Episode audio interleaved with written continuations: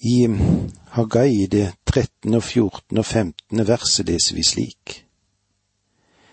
Med oppdrag fra Herren, sa Hagai, Herrens sendebud til folket. Jeg er med dere, lyder ordet fra Herren. Herren vakte slik iver hos Serubabel, Sjeltiels sønn, stattholderen i Juda, og hos øverstepresten Josva, Jehosadaks sønn, og hos alle som var igjen av folket, at de kom og arbeidet på huset til sin Gud, Herren Allers Gud. Og det femtende verset. Det var den 24. dagen i den sjette måneden i, den andre, i det andre regjeringsåret til kong Deirios. Altså, det er den 24. september. Året er 520 før Kristus. Det første budskapet som vi har merket oss, det ble gitt den første september i det samme året. Det var da Gud utfordret dem. De hadde svart på denne utfordringen. De hadde kommet sammen. De hadde planlagt og organisert prosjektet. De var i ferd med å skjære tømmer, og de var begynt å bygge tempelet. Og nå, på den 24. dagen, gir Hagai dem det andre budskapet fra Gud, og budskapet dreier seg om at kan, de kan være visse på at han skal være med dem. Vi får da klart for oss at Hagai, han var en ordenskar, noe som boken hans bærer preg av. Han var også en god administrator. Han sto med begge beina på jorda. Han hjalp folket med å bygge opp igjen tempelet. Og mens de arbeidet, så oppmuntret han dem til stadighet ja, han utfordret dem i den gjerningen som de holdt på med. Og resultatet skulle bli mektig. Gud ville være tilfreds, og Gud ville bli æret. Det var det vi hadde med oss i det første kapitlet. Når vi nå går over i det andre kapitlet, så møter vi folkets motløshet. Og så får vi òg se hvordan Herren oppmuntrer. Det at dette andre tempelet ble så mye mindre prangende og strålende enn Salomos tempel, fikk skuffelsen og motløsheten til å bre seg. Men Gud, han ga et annet svar. La vi nå først se på det som har med folkets motløshet å gjøre. Den 21. dagen i den sjuende måneden kom Herrens ord ved profeten Hagai og det lød så. Dette står i det første verset i det andre kapitlet. Jeg vet ikke om du la merke til at det fant sted i den syvende måneden. Forrige gang de hadde hørt Guds budskap til oppmuntring, det var i den sjette måneden. Så nå hadde de altså jobbet i en måned. De hadde altså brukt ca. 24 dager på å organisere seg på det å gjøre klart fundamentet. Og nå begynner tempelet å reises. Det er en stor river når de ser resultatet av sitt arbeid, og de ønsker å få et oppmuntrende ord med seg på veien, og Gud, han har et oppmuntrende tilsagn til dem. Jeg er med dere. Nå kommer vi til den andre fasen som dreier seg om mismot. I det andre verset her i kapittel to. Si til Serubabel, Sjeltiels sønn, stattholderen i Juda, og til øverstepresten Josva, Jehodasaks sønn, og til dem som er igjen av folket. Dette budskapet rettet til den samme folkegruppen som Gud hadde oppmuntret i det forrige kapitlet. De var de samme lederne, og de var de samme folkene eller menneskene. Og så dukker det opp andre komplikasjoner som Hagai må rede ut når han profeterer til dette folket. Han må fortelle litt hva det er for noen ting. Vers tre. Er det ennå noen igjen av dere som har sett hvor herlig dette huset var før? Og hva synes dere om det nå? Ser det ikke smått ut?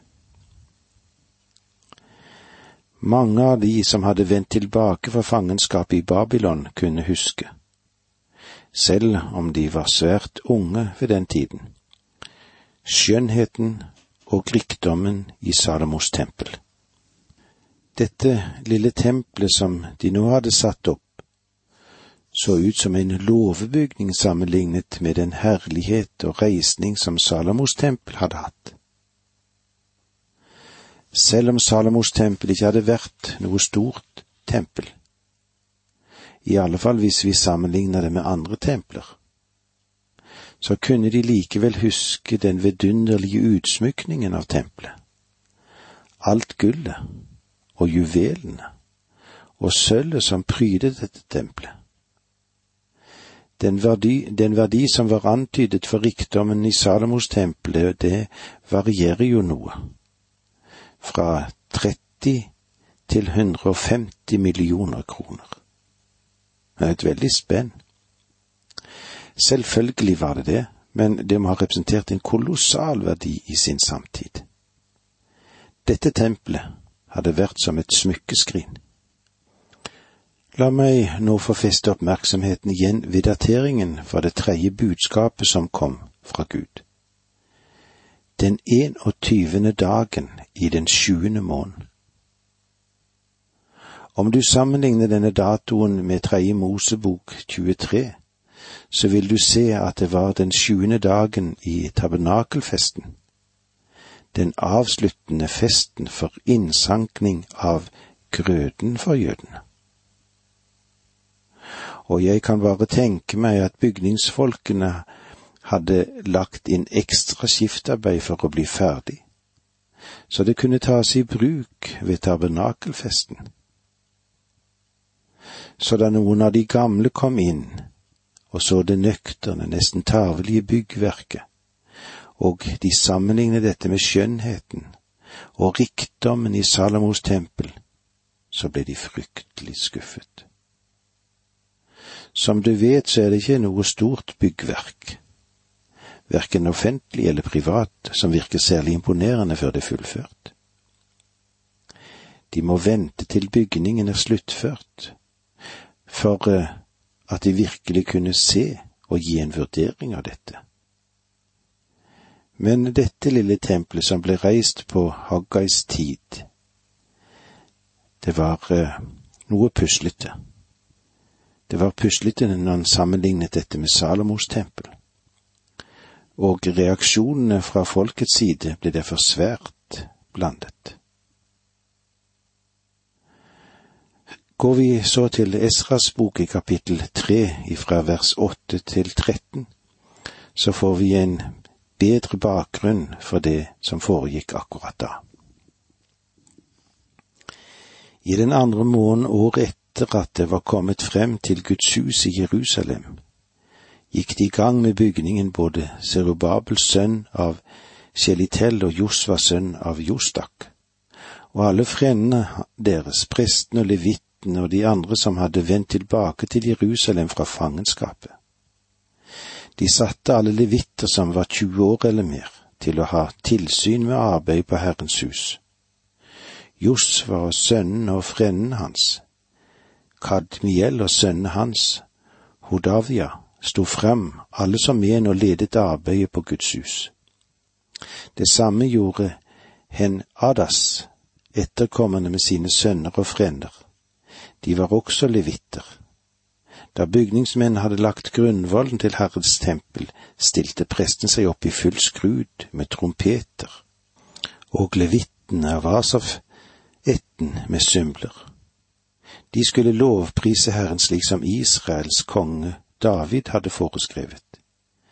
De lovet og takket Herren. Han er god. Hans miskunn mot Israel varer til evig tid. Da satte hele folk i med høye gledesrop og priste Herren, fordi grunnvollen til Herrens hus var lagt. Det var eh, det vi fikk med oss i dag. Vi må tenke igjennom hva israelsfolket har gått igjennom mange ganger. Takk for nå, må Gud være med deg. Dette undervisningsprogrammet består av to deler. Åge Nevland fortsetter nå med andre del av dagens undervisning. Vi er i profeten Haggai. Vi er i det andre kapittelet og helt i begynnelsen av dette kapitlet, hvor vi ser litt hvordan folket har det.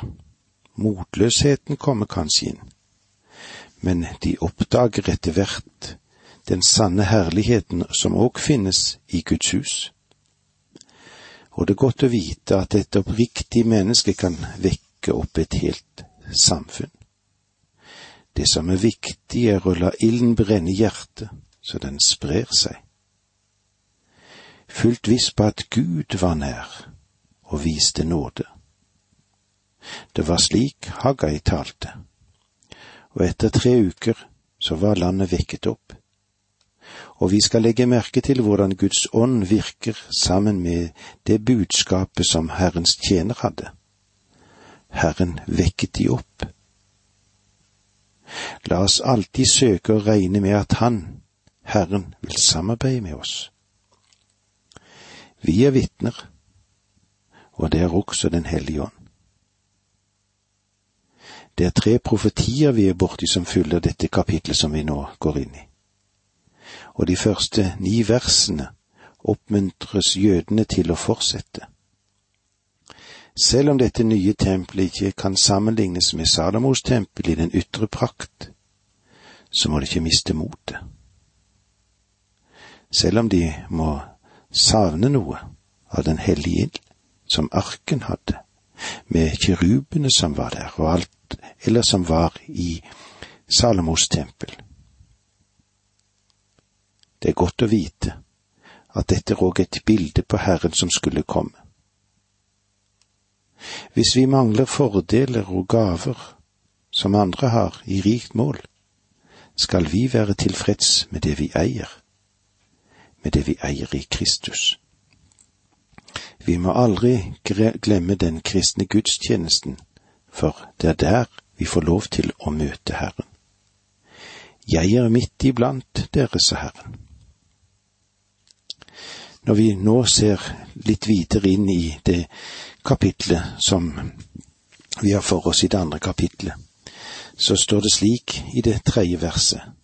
Er det ennå noen igjen av dere som har sett hvor herlig dette huset var før? Hva synes dere om det nå? Ser det ikke smått ut? Det var en del som hadde vendt tilbake fra fangenskapet som de hadde vært i i Babylon og vi ser hvordan dette fortelles videre gjennom det vi har å lese i vår bibel. I Esras bok, for eksempel, i det tredje kapitlet der, og i fra vers åtte. I den andre måned år etter at de var kommet frem til Guds hus i Jerusalem, gikk de i gang med bygningen. Både Serubabel, sønn av Sjeltiel og Josva sønn av Jostak, og alle frendene deres, prestene og levittene, og de andre som hadde vendt tilbake til Jerusalem fra fangenskapet. De satte alle levittene som var over som var 20 år eller mer, til å ha tilsyn med arbeidet på Herrens hus. Josfa og sønnene og frendene hans Kadmiel og sønnene hans, Hodavia, sto fram alle som én og ledet arbeidet på Guds hus. Det samme gjorde Henedas, etterkommende med sine sønner og frender. De var også levitter. Da bygningsmenn hadde lagt grunnvollen til Herrens tempel, stilte presten seg opp i full skrud med trompeter og levittene av Asavetten med symbler. De skulle lovprise Herren slik som Israels kong David hadde foreskrevet.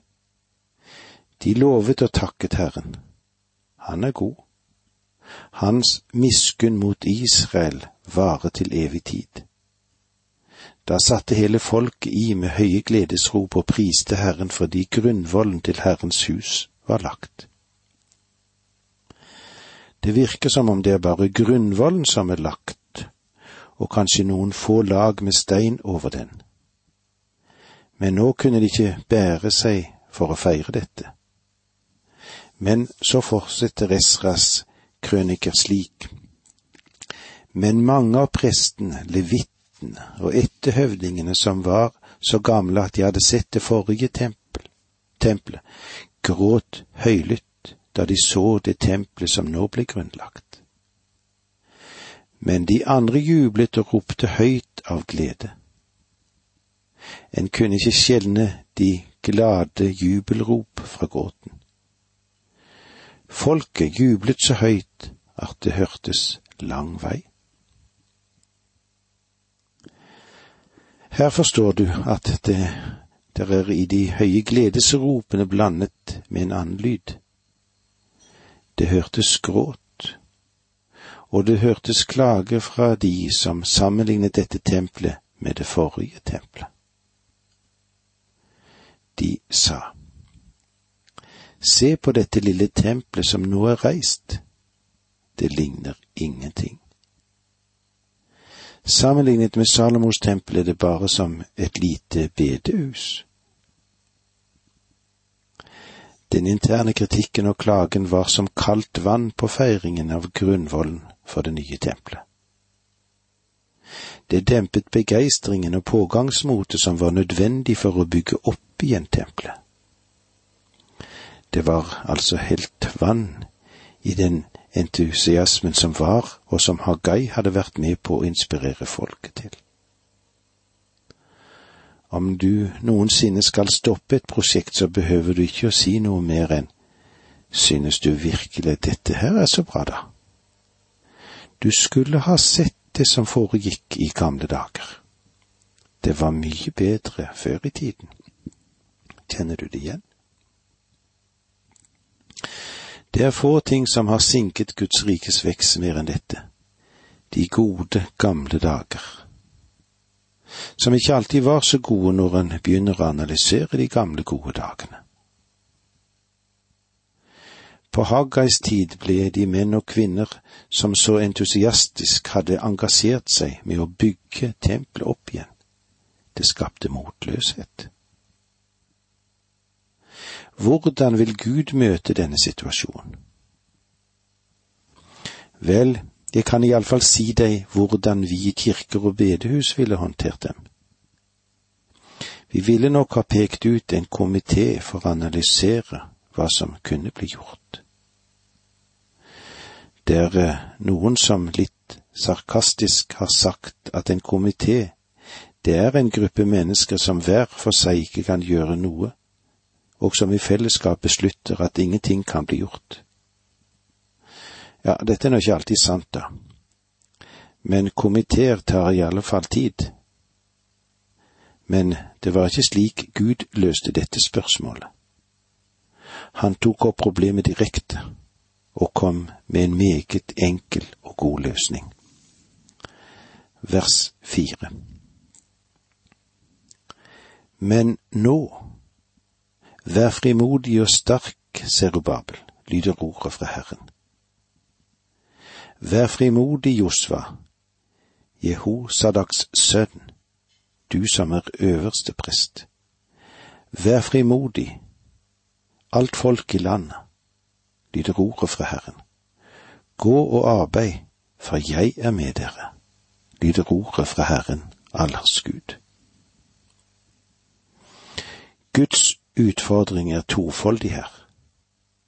Først sier han vær sterke, og det sier han tre ganger. Han sier vær sterke til det politiske lederskap, til det religiøse lederskap og til folket. Det er meget enkelt, men du og du hvor viktig det er. Du og jeg, vi lever i en stor og vanskelig og problematisk verden. Og så er spørsmålet hva består så våre oppmuntringer i? Guds verk er på mange steder lite og synes ikke å telle så mye. Hva er så løsningen? Vel, her er Guds svar til oss.